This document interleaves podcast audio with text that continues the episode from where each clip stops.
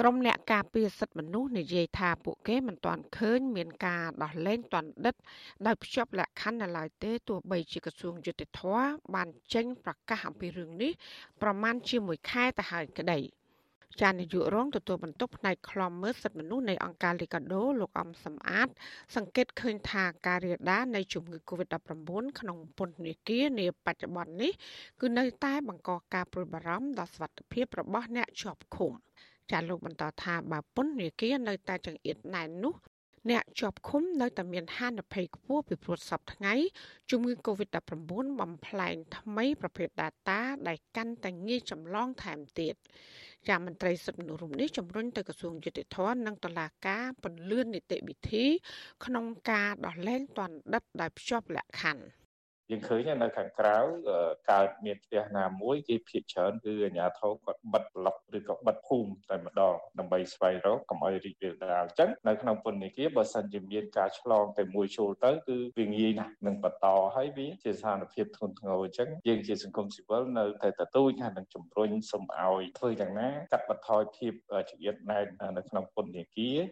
ចាសស្តីងគ្នានេះដែរអ្នកសម្របសម្រួលគម្រោងសិទ្ធិទទួលបានការជំនុំជម្រះដោយយុត្តិធម៌នៃមជ្ឈមណ្ឌលសិទ្ធិមនុស្សកម្ពុជា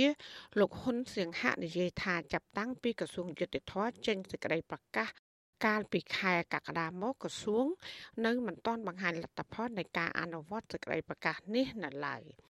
លោកយល់ថាក្រសួងយុតិធធគួរចាត់ចែងអនុវត្តការងារដោះលែងអ្នកជាប់ឃុំឲ្យបានលឿននិងបង្ហាញលទ្ធផលនេះឲ្យសាធារណជនបានដឹងការចង្អៀតណែនក្នុងពន្ធនាគារនេះគឺជាចាំបាច់ហើយទៅទាន់ផុតហើយនៅក្នុងស្ថានភាពកូវីដហ្នឹងហើយអញ្ចឹងនៅពេលដែលក្រសួងលោកបានរៀបចំលិខិតបទកថានិងកតិយុត្តមួយចំនួនហើយខ្ញុំគិតថាគួរតែរៀបចំចាត់ចែងអនុវត្តការងារនឹងឲ្យបានឆាប់ទៅ ចាការលើកឡើងរបស់ក្រមមន្ត្រីសង្គមស៊ីវិលបែបនេះក្រោយដែលក្រសួងយុតិធម៌បានចេញទឹកក្តីប្រកាសស្ដីពីបែបបទនៃការត្រួតពិនិត្យដោះលែងទណ្ឌិត ដែលចិត្តរួចទោសដោយមានលក្ខខណ្ឌដើម្បីបង្ការជំងឺ Covid-19 នៅក្នុងពន្ធនាគារយោងតាមការប្រកាសនេះការដោះលែងទណ្ឌិតដែលជាប់លក្ខខណ្ឌគឺជាសមត្ថកិច្ចរបស់ប្រធានសាលាដំបងនៃទីកន្លែងឃុំខ្លួនទណ្ឌិត ចាប្រធានសាលាដំបងរាជធានីខេត្តមានសិទ្ធិសម្រាប់ដោះលែងទណ្ឌិតទៅភ្ជាប់លក្ខខណ្ឌជាកាតព្វកិច្ចមួយ ឬក៏ច្រើនដូចជាការបំពេញសកម្មភាពខាងវិជ្ជាជីវៈការបណ្ដុះបណ្ដាលវិជ្ជាជីវៈ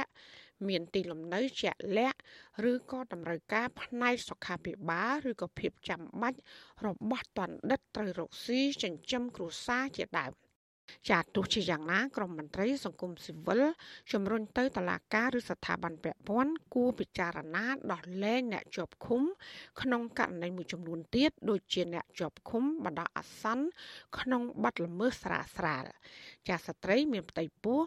អ្នកមានជំងឺរ៉ាំរ៉ៃអ្នកងាយរងគ្រោះនិងអ្នកជាប់ឃុំដែលជាអ្នកការពារសិទ្ធិមនុស្សសកម្មជននយោបាយបរិស្ថាន និងសកម្មជនដីធ្លីជាដើម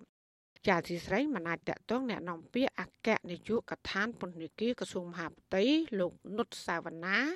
អ្នកនាំពាក្យក្រសួងយុតិធម៌លោកជីនម៉ាលីនប្រធានសាលាដំបងរាជធានីភ្នំពេញលោកតាំងសុនឡាយដើម្បីបកស្រាយបញ្ហានេះនៅឡើយទេ នៅថ្ងៃទី13ខែសីហា ជាប្រពន្ធសកម្មជនបរិស្ថានលោកថនរដ្ឋាគឺលោកស្រីប៉ាត់រស្មី លើកឡើងថាតឡាកាគួរអនុញ្ញាតឲ្យប្តីរបស់លោកស្រីអាចនៅក្រៅឃុំ ដើម្បីជួយរកចំណូលចិញ្ចឹមគ្រួសារចាលោកស្រីបរិស្មីប្រាប់ថាលោកស្រីទៅទទួលបានការហៅទូរស័ព្ទពីប្តីចេញពីពន្ធនាគារកាលពីប្រហែលថ្ងៃមុន ហើយលោកថនរដ្ឋាប្រាប់ថាលោកសុខសប្បាយប៉ុន្តែលោកស្រីយល់ថាប្តីរបស់ខ្លួនគ្រាន់តែប្រាប់កុំឲ្យលោកស្រីបារម្ភតែប៉ុណ្ណោះ យើងដឹងស្រាប់អីបើទោះជាបីមានយន្តការការពារកុំឲ្យអើយឆ្លងកូវីដអីក៏ដោយក៏យើងនៅតែព្រួយបារម្ភព្រោះអីបន្ទប់មួយតូចចង្អៀតហើយនៅគ្នា20នាក់ជាងអញ្ចឹងវាងាយនឹងឆ្លងហើយបើមិនឆ្លងជំងឺកូវីដទេក៏អាចមានជំងឺផ្សេងដូចជារបេងថ្លើមអីជាដើមបងចាកម្ពុជាមានអ្នកជាប់ឃុំសរុបជិត40000នាក់ដែលចំនួននេះច្រើនលើសពីទំហំផ្ទុករបស់ពន្ធនាគារ នៅរយៈពេលចុងក្រោយនេះជំងឺ Covid-19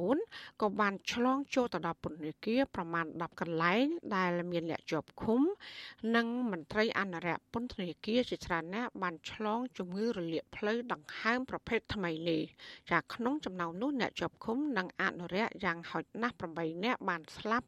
ដោយសារជំងឺ Covid-19 ចាននាងខ្ញុំម៉ៃសុធានីវិទ្យុអាស៊ីស្រីប្រធានាធិបតី Washington